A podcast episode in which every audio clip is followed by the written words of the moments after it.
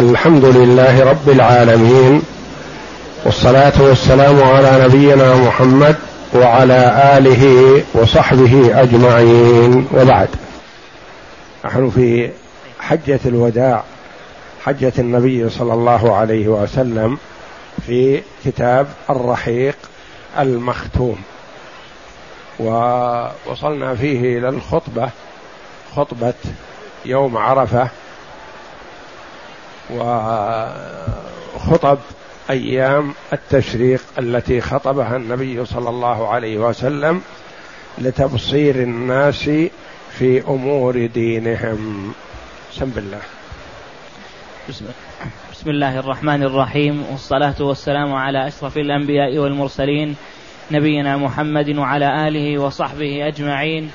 قال المؤلف رحمه الله تعالى وفي رواية أنه قال في تلك الخطبة ألا لا يجني جان, جان على نفسه إلا على نفسه ألا لا يجني جان على ولده ولا مولود على ولا مولود على والده ألا إن الشيطان قد يئس أن يعبد في بلدكم هذا أبدا ولكن ستكون له طاعة فيما تحتقرون من أعمالكم فسيرضى به. هذا الكلام في خطبة النبي صلى الله عليه وسلم يوم النحر الذي هو يوم الحج الأكبر ويوم عيد النحر. خطب صلى الله عليه وسلم وذكر شيئا من خطبته عليه الصلاة والسلام وقال وفي رواية أنه قال في تلك الخطبة ألا لا يجني جان إلا على نفسه. كلامه صلى الله عليه وسلم من جوامع الكلم. وقد أوتي صلى الله عليه وسلم القرآن ومثله معه فهو يتكلم عليه الصلاة والسلام بالكلام اليسير المشتمل على المعنى العظيم. وكلامه قريب من القرآن لأنه تأدب عليه الصلاة والسلام بآداب القرآن. كما قالت عائشة رضي الله عنها كان خلقه القرآن. فالله جل وعلا امتدح خلق محمد صلى الله عليه وسلم بقوله وإنك لعلى خلق عظيم. الصحابة رضي الله عنهم أدركوا هذا الخلق العظيم وعرفوه وفهموه وأنه موصوف بالصفات التي هي أكمل صفات البشر. ما يقال أكمل الصفات لأن أكمل الصفات لله تبارك وتعالى لكن أكرم واكد وأعظم ما يتصف به بشر يعني مخلوق اتصف به محمد صلى الله عليه وسلم. من الكرم والشجاعة والإدراك والرأفة والرحمة وحسن تدبير الأمور وغير ذلك من الأمور فهو نال الكمال الذي ممكن أن يدركه بشر عليه الصلاة والسلام. فقوله صلى الله عليه وسلم ألا لا يجني جان إلا على نفسه. أينما يماثلها في القرآن؟ قوله جل وعلا ولا تزر وازرة وزر أخرى. جنى الولد. يؤخذ الأب يعذب يقول جنى ولدك؟ لا ما هم من المنطق ولا من المروءة ولا من العدل. جنى الأب والولد مستقيم. يؤخذ الولد المستقيم ويؤخذ بجناية أبيه.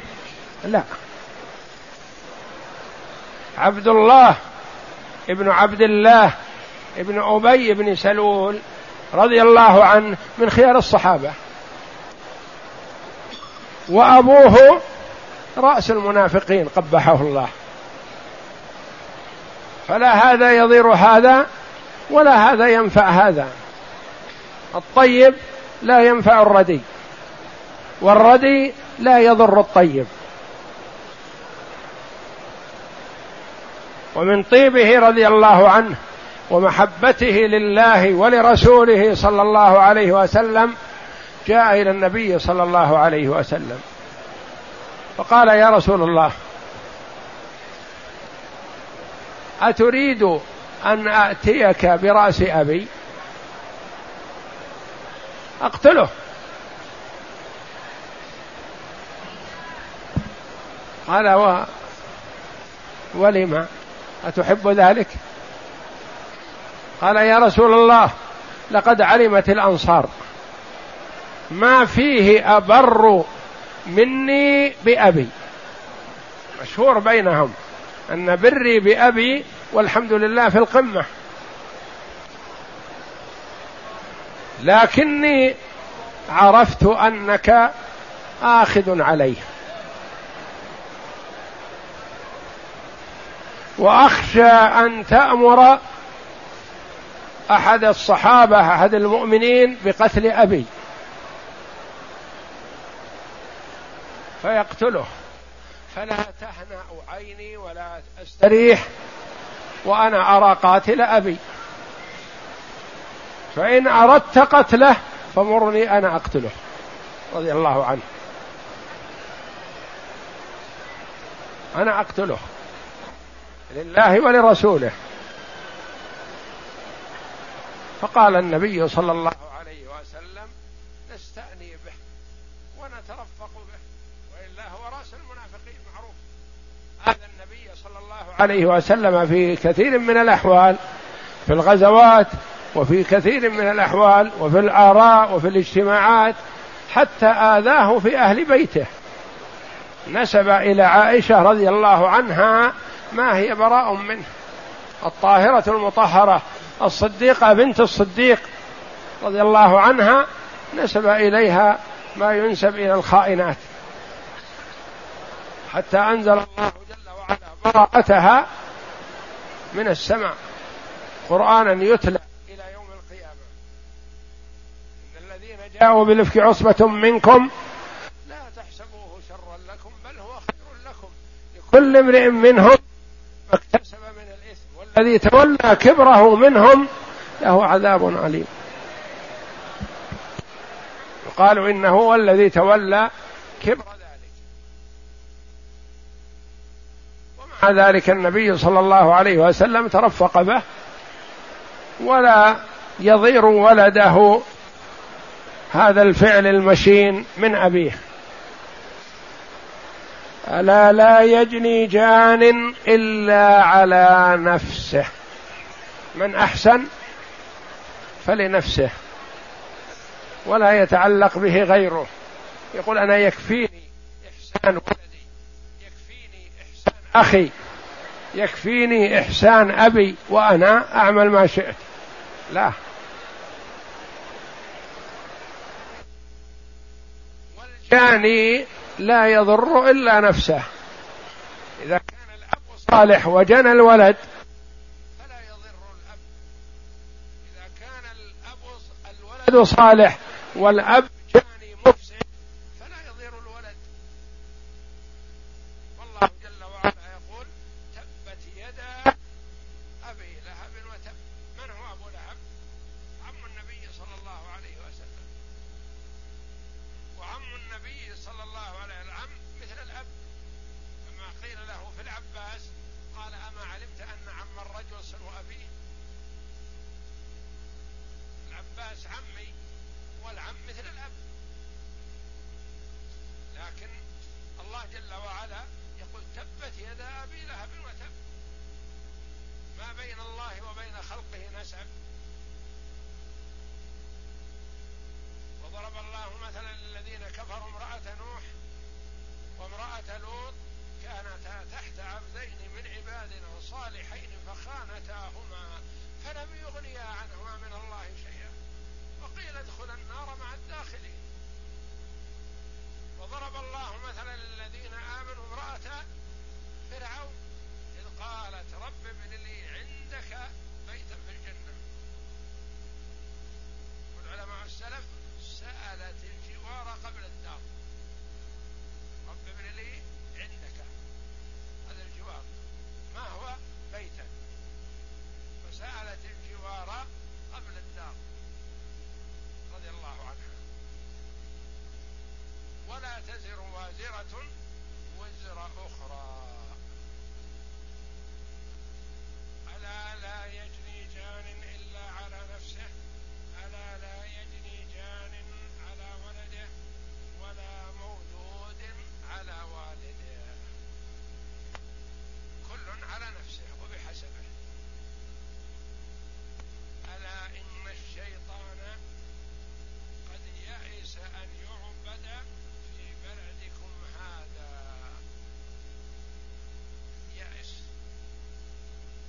يئس وقد يحاول وقد يعبد وعبد قال العلماء يأس الشيطان شيء ووجود عبادة الشيطان شيء آخر. فالإنسان قد ييأس من هذا الشيء لكن يحاول حتى يدرك.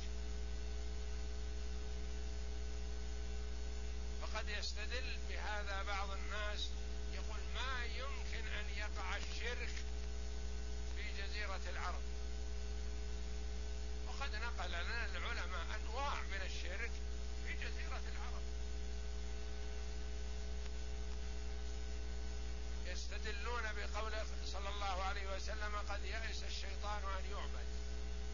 نعم وقد يئس لما رأى قوة الإيمان والصحابة رضي الله عنهم والتفافهم حول النبي صلى الله عليه وسلم والأخذ عنه والتفقه في الدين أصابه اليأس والقنوط ما يمكن يدرك منهم شيء.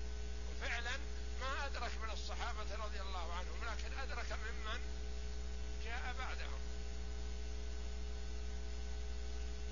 أن يعبد في بلدكم هذا أبدا ولكن ستكون له طاعة فيما تحتقرون من أعمالكم يحذر صلى الله عليه وسلم من طاعة الشيطان ولو في الشيء اليسير لأن بعض الناس إذا قيل له كذا اتق الله بكذا اعمل كذا قال هذا شيء بسيط هذا سهل الناس واقعين في أكثر وأعظم يستصغر بعض السيئات بعض الأعمال التي يعملها وإذا بها تتراكم السيئات على العبد وتقتله في النهاية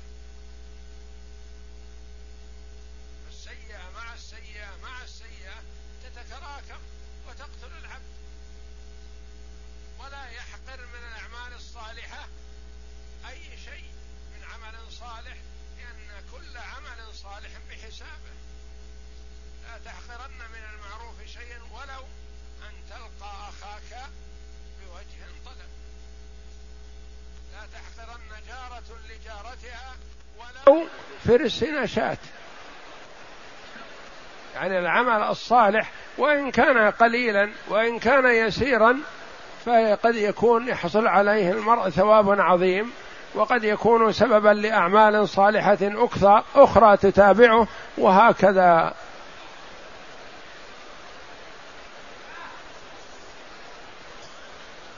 فسيرضى به لأن الشيطان يرضى من العبد أي عمل يعمله له ويطمع في المزيد باستمرار.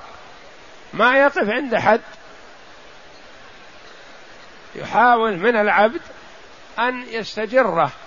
وهو كما قال ابن القيم رحمه الله يأتي الشيطان إلى قلب العبد فيشمه فينظر اتجاهه ورغبته وميوله فيدفعه من هذه الجهة. كل بحسبه مثلا. يأتي لمن يحب جمع المال يحاول أن يخرجه إلى الربا والغش والخديعة. يأتي إلى من يحب الراحة والركود إلى التكاسل عن الصلوات. يأتي إلى من يحب المجون و السكر والنكر يدفعه من هذا الباب. يأتي إلى من يحب الصلاة ويدفعه يسابق الإمام فيخرجه من صلاته بلا شيء. ربما يكون يأتي إلى المسجد قبل الأذان. وينتظر الصلاة. فإذا دخل مع الإمام بدأ يسابقه. وكما قال أحد الصحابة رضي الله عنهم لا وحدك صليت ولا بإمامك اقتديت. ما حصلت على شيء. هذا الذي يسابق الإمام. لا وحدك صليت فتحصل على صلاة واحدة ولا بإمامك اقتديت فتحصل على سبع وعشرين درجة. وهو ربما يكون جاء للمسجد قبل الأذان ولن يخرج إلا بعد الصلاة بساعة. لكن يستدرجه الشيطان حتى يجعله يسابق الإمام وإن لم يكن مستعجل لغرض.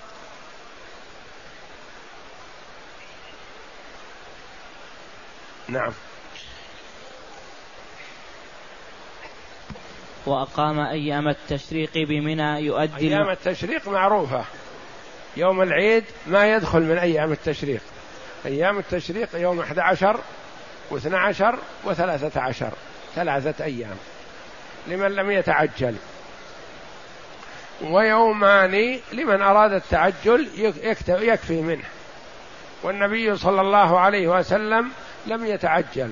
أقام أيام التشريق يوم أحد عشر ويوم اثنى عشر ويوم ثلاثة عشر إلى الزوال ورمى الجمار الثلاث وتوجه إلى مكة صلى الله عليه وسلم ونزل بالأبطح وصلى بها الظهر. يعني رمى الجمار في منى وصلى الظهر بمكة عليه الصلاة والسلام. وأقام أيام التشريق بمنى يؤدي المناسك ويعلم الشرائع ويذكر الله ويقيم سنن الهدي من ملة ويقيم سنن الهدى من ملة إبراهيم ويمحو آثار الشرك ومعالمها إبراهيم لأن أولى الأنبياء بإبراهيم عليه السلام هو هذا النبي محمد صلى الله عليه وسلم. كما قال الله جل وعلا إن أولى الناس بإبراهيم للذين اتبعوه. وهذا النبي والذين آمنوا. فأولى الأنبياء بإبراهيم محمد صلى الله عليه وسلم وبشرعته. ثم المؤمنون بمحمد صلى الله عليه وسلم. فهم على ملة إبراهيم حنيفا. يمحو آثار الشرك ومعالمها. يمحو آثار الشرك لأنه كان الشرك موجود في مكة. وفي منى والحجاج والطائفون بالبيت يقولون لبيك اللهم لبيك لبيك لا شريك لك إلا شريكا هو لك تملكه وما ملك ينادون بالشرك تحت الكعبة وكانوا يلبون بهذه التلبية والنبي صلى الله عليه وسلم بمكة قبل أن يهاجر فإذا قالوا لبيك اللهم لبيك لبيك لا شريك لك قال قطي قطي يكفي يكفي قفوا على هذا لكنهم يقولون إلا شريكا هو لك تملكه وما ملك. فهو عليه الصلاة والسلام بإقامته ليل نهار وفي كل الساعات فهو عليه الصلاة والسلام يدعو إلى توحيد الله ويقيم ملة إبراهيم حنيفا عليه الصلاة والسلام. نعم. وقد خطب في بعض أيام التشريق أيضا فقد روى أبو داود بإسناد حسن عن سراء بنت نبهان قالت خطبنا رسول الله صلى الله عليه وسلم يوم الرؤوس فقال أليس هذا أوسط أيام التشريق؟ أوسط أيام التشريق الذي هو اليوم الثاني عشر. يوم النفر الأول. أوسط أيام التشريق لأن أيام التشريق 11 و12 و13 عشر فأوسطها هو الثاني عشر وهو يوم النفر الأول. وكانت خطبته في هذا اليوم مثل خطبته يوم النحر. ووقعت هذه الخطبة عقب نزول سورة النصر. سورة النصر. هذه التي فيها إشعار النبي صلى الله عليه وسلم بدنو أجله وهي قوله جل وعلا بسم الله الرحمن الرحيم إذا جاء نصر الله والفتح ورأيت الناس يدخلون في دين الله أفواجا فسبح بحمد ربك واستغفره إنه كان توابا. فهو عليه الصلاة والسلام يقول أعطاني ربي علامة على دنو أجلي وقد وجدت فكان عليه الصلاة والسلام قل أن يصلي صلاة بعد نزول هذه السورة إلا قال سبحانك اللهم ربنا وبحمدك اللهم اغفر لي. سبحان ربي العظيم سبحان ربي العظيم سبحانك اللهم ربنا وبحمدك اللهم اغفر لي. سبحان ربي الأعلى سبحان ربي الأعلى سبحانك اللهم ربنا وبحمدك اللهم اغفر لي. بعد نزول هذه السورة قلما صلى صلاة إلا وقال سبحانك اللهم ربنا وبحمدك اللهم اغفر لي. فسبح بحمد ربك واستغفره تقول عائشة رضي الله عنها يتأول القرآن يعني يطبق ما جاءه في القرآن عليه الصلاة والسلام. وفي اليوم وفي يوم النفر الثاني الثالث عشر من ذي الحجة نفر النبي صلى الله عليه وسلم من منى. نفر بمعنى خرج. نعم. فنزل بخيف بني كنانة من الأبطح وأقام هناك بقية يومه ذلك وليلته وصلى هناك الظهر والعصر والمغرب والعشاء ثم رقد رقده. صلى الظهر في وقت الظهر عليه الصلاة والسلام. صلى العصر في وقت العصر ما كان يجمع. صلى المغرب في وقت المغرب. صلى العشاء في وقت العشاء في الأبطح ما جاء إلى المسجد الحرام هذا. ورقد. نام عليه الصلاة والسلام وفي آخر الليل قام وتوجه إلى المسجد الحرام هذا شرفه الله وطاف بالبيت وصلى فيه الفجر وتوجه إلى المدينة عليه الصلاة والسلام نعم.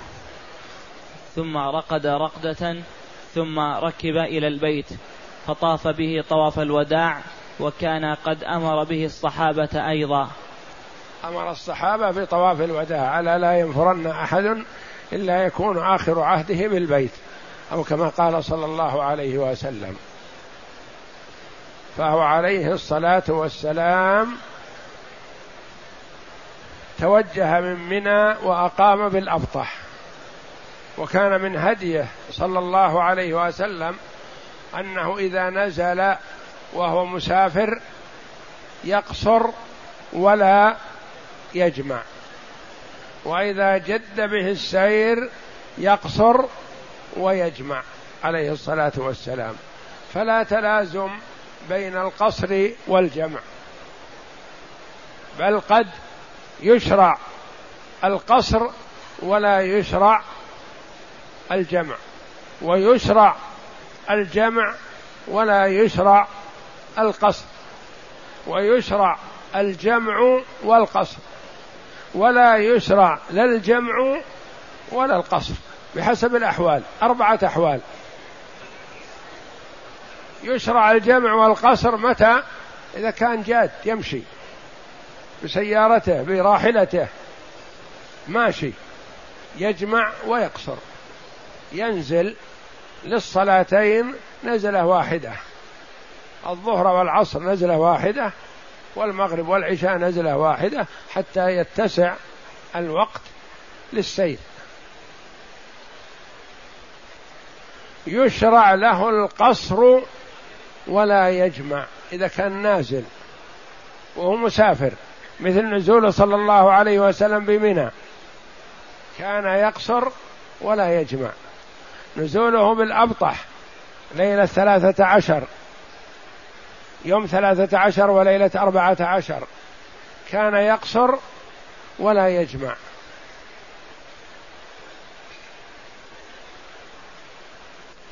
يشرع الجمع دون القصر. لمن كان مريض في داره أو في مستشفى في بلده ويشق عليه أن يصلي الظهر في وقتها والعصر في وقتها. فيجمع الظهر والعصر في وقت واحد. ويجمع المغرب والعشاء في وقت واحد.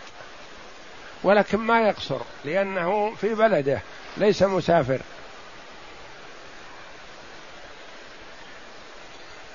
ولا يشرع لا الجمع ولا القصر إذا كان سليما معافى في بلده. فأربعة الأحوال. جمع وقصر. لا جمع ولا قصر. قصر ولا جمع جمع ولا قصر.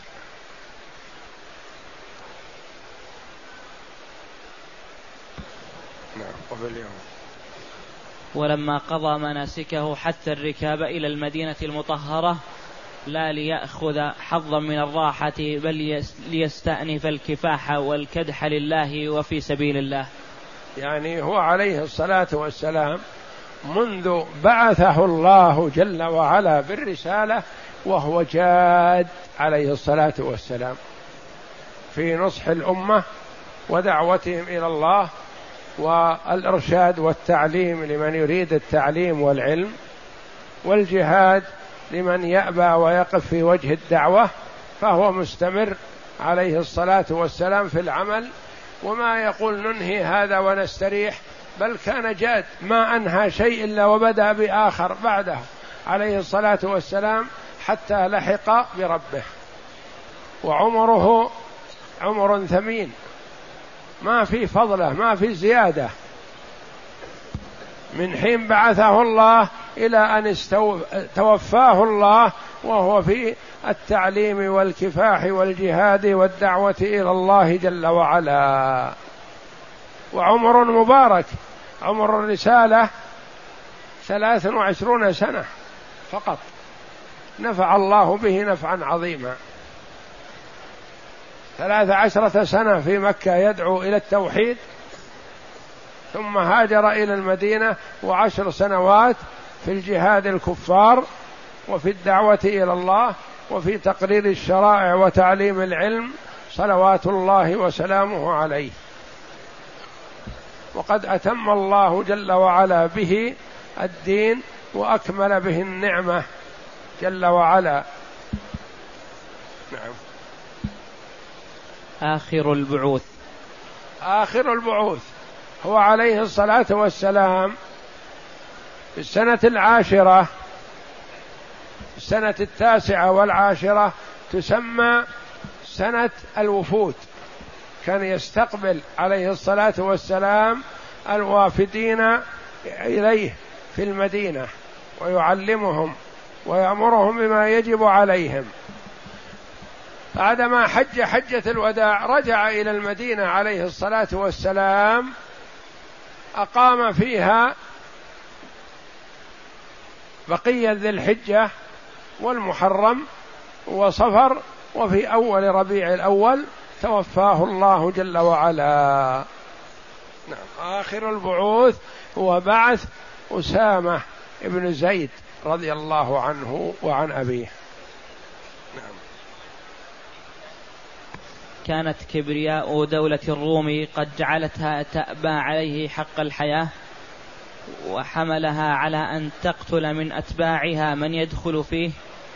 يعني دولة الروم دولة عاتية ظالمة معاندة متعصبة لا تريد الحق وإلا الحق معه صلى الله عليه وسلم. وهم يزعمون أنهم على دين وهم على دين منسوخ ومحرف ومبدل على النصرانية. والنصرانية انتهت محرفة مبدلة. ما تصلح للبقاء. فنسخها الله جل وعلا بشريعة محمد صلى الله عليه وسلم. فهم في الحقيقة أبوا أن يعبدوا الله وهم يعبدون الشيطان. هم يزعمون أنهم يعبدون المسيح وأمه وهم ما يعبدون المسيح لأن المسيح لا يرضى عن هذا. وإنما الشيطان هم يطيعونه في هذا فهم يعبدونه. فمن عبد غير الله كائنا من كان فهو عابد للشيطان. لأن المسيح عليه السلام وأمه وعزير والأخيار لا يرضون أن يعبدوا مع الله أو من دون الله وإنما يريدون ممن أتباعهم أن يعبدوا الله وحده. فهؤلاء الرومان يزعمون أنهم يعبدون الله وأنهم يطيعون عيسى. على نبينا وعليه الصلاة والسلام. وهم أعداء أعداء عيسى. أشد أعداء عيسى عليه السلام لأن عيسى يريد منهم أن يعبدوا الله وحده ما يريد منهم أن يعبدوه. نعم. فكان الرومان إذا علموا عن أحد أسلم من العرب المتاخمين لهم قتلوه أو قضوا عليه. وإن كان واليا لهم عزلوه وآذوه لجبروتهم ما يتركونهم على حريتهم وأن من اختار دينا يستحسنه مثلا يسير عليه مثل ما قال بعض الولاة في جهة أفريقيا في الجهة مثلا قال هذا اختار دينا دركه عليه لكن هؤلاء الرومان من غطرستهم أن من اختار الدين الإسلامي آذوه وعزلوه وعذبوه كما فعلوا بفروة ابن عمرو الجذامي الذي عرض عليه النبي صلى الله عليه وسلم الإسلام فأسلم فلما علم به الرومان قالوا له إما أن تترك الإسلام وإلا نعزلك ونقتلك. قال شأنكم.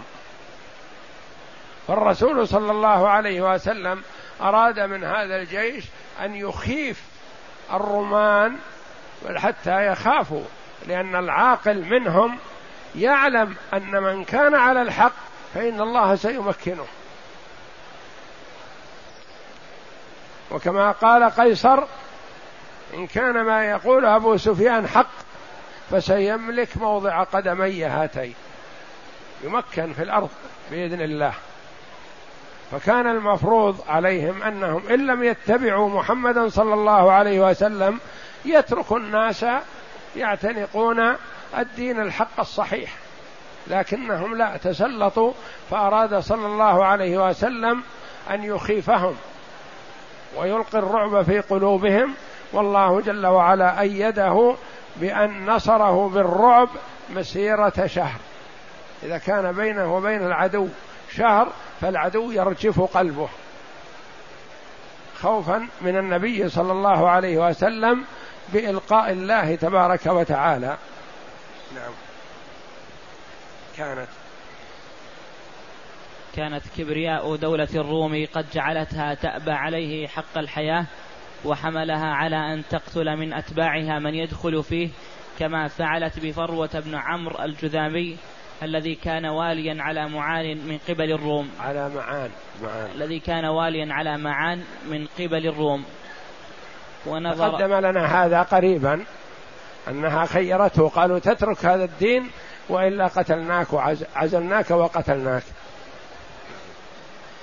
ونظرا إلى هذه الجراءة والغطرسة أخذ رسول الله صلى الله عليه وسلم يجهز جيشا كبيرا في سفر سنة أحد عشر من الهجرة وأمر عليه أسامة بن زيد بن الحارث رضي الله عنه. أسامة بن زيد رضي الله عنه هو مولى وابن مولى النبي صلى الله عليه وسلم. أسامة بن زيد رضي الله عنه أبوه زيد قتل هناك في غزوة مؤتة. فراى صلى الله عليه وسلم انه أهلا للقياده من أجل ان ياخذ بثار ابيه رضي الله عنهما. والرسول صلى الله عليه وسلم يعرف الرجال ومكانتهم وقدرتهم عليه الصلاة والسلام. ولو أخطأ في شيء ما ما أقره الله جل وعلا. فإمارة أسامة بن زيد حق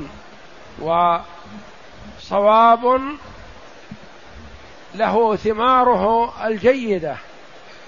وإن كان صغير السن لكن يعرفه عليه الصلاة والسلام. وإلا أتدرون كم عمره يوم يوليه النبي صلى الله عليه وسلم هذا الجيش؟ جيش عظيم أكبر جيش. جيش أسامة ومن أفراد الجيش أبو بكر وعمر والصحابة. كان عمر رضي الله عنه إذا التقى بزيد سلم عليه السلام عليك ورحمة الله وبركاته أيها الأمير. يقول توفي رسول الله صلى الله عليه وسلم وأنت أمير علي. يفتخر بهذا لأن هذه إمارة النبي صلى الله عليه وسلم وتولية النبي. من هو زيد هذا؟ زيد بن حارثة. حارثة مولى النبي صلى الله عليه وسلم مملوك له لكنه اعتقه وزيد ابنه أسامة ابنه. وكان كما قيل شاب أسود أفطس.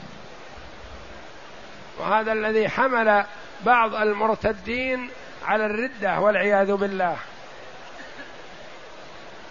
في عند الإفاضة من عرفة إلى مزدلفة كان ينتظر عليه الصلاة والسلام أسامة يأتي. وعنده قبائل والعرب وأناس من الوفود ومن أهل اليمن. فلما رأوا هذا الذي ينتظره النبي صلى الله عليه وسلم وإذا هو شاب أسود أفطس على ما يقولون. قالوا هذا ننتظره لأنهم لا يزالون عندهم عن جهية وكبرياء وخيلاء الجاهلية ممحت من نفوسهم. فحملهم هذا والعياذ بالله لما مات النبي صلى الله عليه وسلم على الردة. ارتدوا عن الإسلام. قالوا الإسلام اللي هذا له مكانة فيه. هذا الشاب الأسود الأفطس له مكانة فيه. بلاش منه. وارتدوا عن الإسلام حتى أرجعهم أبو بكر رضي الله عنه والصحابة رضي الله عنهم أجمعين. أسامة بن زيد عمره كم؟ ثمانية عشر سنة. تقول عائشة رضي الله عنها كان بعمري. وكان يأمر عائشة أن تغسله حينما كان صغير ويكرمه وإذا لم يثق وهو لم يطمئن بتغسيل عائشة له أخذه صلى الله عليه وسلم هو وغسله.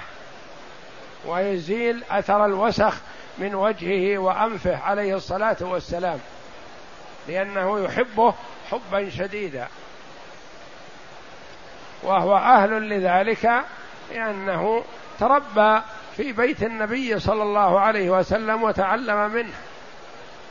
ولهذا يقول المؤرخون أنه من النفر الذين اعتزلوا الفتنة. لما حصل بين الصحابة رضي الله عنهم ما حصل اعتزل. ما دخل مع هؤلاء ولا مع هؤلاء. كل هذا حفظا لسيفه من أن يقع على مسلم. نعم. وأمره أن يوطئ الخيل تخوم البلقاء والداروم من أرض فلسطين. يبغي بذلك إرهاب الروم وإعادة الثقة إلى قلوب العرب الضاربين على الحدود حتى لا, يحسب لا يحسبن أحد أن أن بطش الكنيسة لا معقب له وأن الدخول في الإسلام يجر على أصحابه الحتوف فحسب. وتكل نعم. وتكلم الناس في قائد الجيش لحداثة سنه واستب... تكلم الناس خاصة المنافقين. تكلموا قال يولي هذا شاب صغير يوليه على كبار المهاجرين والأنصار هو يعرف الرجال عليه الصلاة والسلام. نعم. وتكلم الناس في قائد الجيش لحدثة سنه واستبطأوا في بعثه. فقال رسول الله صلى الله عليه وسلم إن تطعنوا في إمارته فقد كنتم تطعنون في إمارة أبيه من قبل. ويم الله النبي صلى الله عليه وسلم أمر زيد على سرية مؤتة فهو القائد الأول. ثم بعده جعفر بن أبي طالب رضي الله عنه ابن عم النبي صلى الله عليه وسلم. فالأمير زيد أول ثم يليه في المرتبة جعفر. ثم زيد ثم زيد بن ثابت. لا هو عبد الله.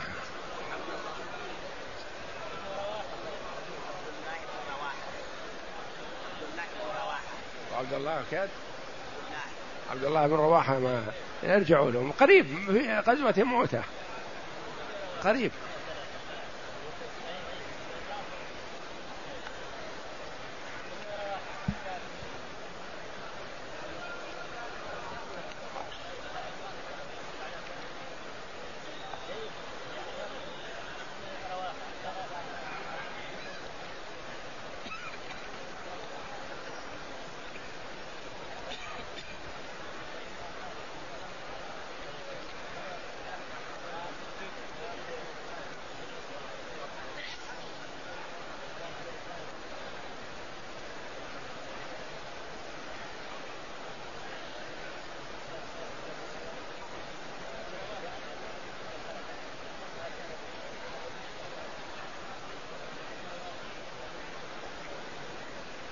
نعم نعم إيه، قريب نعم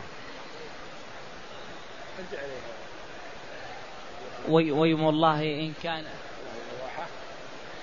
وين هي؟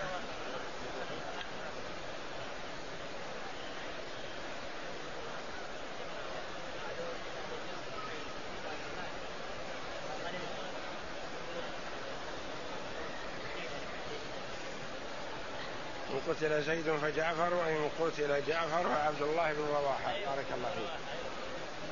نعم. ويم الله إن كان لخليقا لخليقا للإمارة يقسم عليه الصلاة والسلام بأن زيد بأن أسامة وإن كان عمره ثمانية عشر سنة فإنه جدير بالإمارة وحق. فهو عليه الصلاة والسلام يعرف الرجال ويميزهم عليه الصلاة والسلام. نعم. نعم. و وإن كان وإن كان من أحب الناس إلي وإن هذا من أحب الناس إلي بعده. يعني بعد أبيه. نعم. وانتدب الناس يلتفون حول أسامة وينتظمون في جيش انتدب الناس الناس مفعول. يعني انتدبهم النبي أمرهم أن يلتفوا حول أسامة ليخرج الجيش. نعم. وانتدب الناس يلتفون حول أسامة وينتظمون في جيشه حتى خرجوا ونزلوا الجرف. الجرف يعني قريب من المدينة علشان يجتمعون ثم يسيرون سيرة واحدة. نعم. على فرسخ من المدينة إلا أن الأخبار المقلقة عن مرض رسول الله صلى الله عليه وسلم أكرهتهم على التريث حتى يعرفوا ما يقضي الله به. وقد قضى الله أن يكون هذا أول بعث ينفذ على خلافة أبي بكر الصديق. يعني هو الرسول عليه الصلاة والسلام أمر به لكنه عليه الصلاة والسلام أحس بالمرض وظهر مرضه. فرأى الصحابة رضي الله عنهم أن يتريث الجيش هذا حتى ينظرون ماذا يقضي الله جل وعلا في شأن رسوله صلى الله عليه وسلم. ومن يكون لأن من أعضاء الجيش من أفراد الجيش أبو بكر وعمر وكبار الصحابة رضي الله عنهم. وما بقي في المدينة إلا قليل. ومات الرسول صلى الله عليه وسلم وكبار الصحابة في الغزو يكون لها آثار سيئة. فانتظروا قليلا ثم توفي رسول الله صلى الله عليه وسلم قبل خروج هذا الجيش. وحصلت الخلافة. من استخلف؟ أبو بكر رضي الله عنه. أبو بكر طلب من أسامة قال أبق لي عمر. مستشار.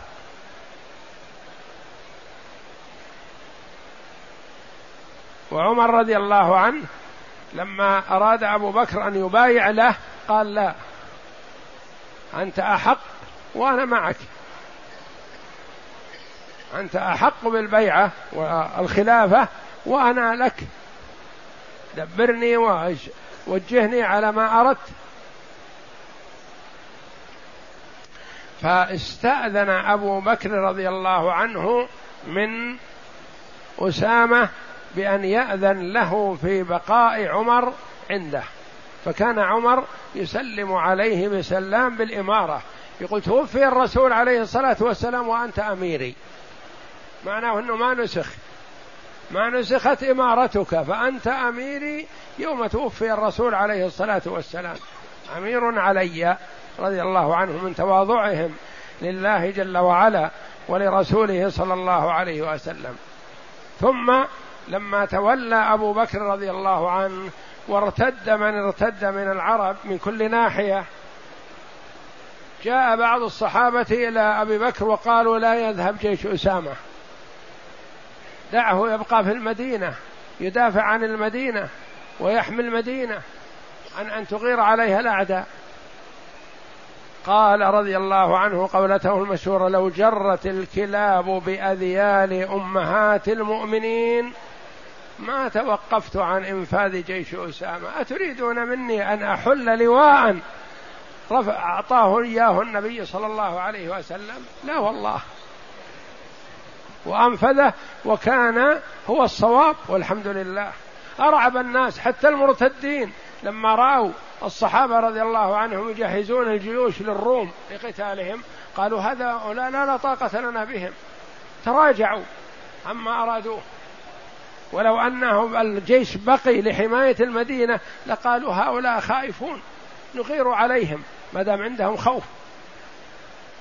فتنفيذ جيش أسامة كان هو عين الصواب وهو عز للإسلام والمسلمين. أجراه الله جل وعلا على يد خليفة رسول الله صلى الله عليه وسلم لبعد نظره رضي الله عنه وأرضاه وتوفيق الله جل وعلا له. فكان أول عمل قام به رضي الله عنه بعد وفاة النبي صلى الله عليه وسلم تسيير وتنفيذ جيش أسامة بن زيد رضي الله عنهم والله أعلم وصلى الله وسلم وبارك على عبد ورسول نبينا محمد وعلى آله وصحبه أجمعين.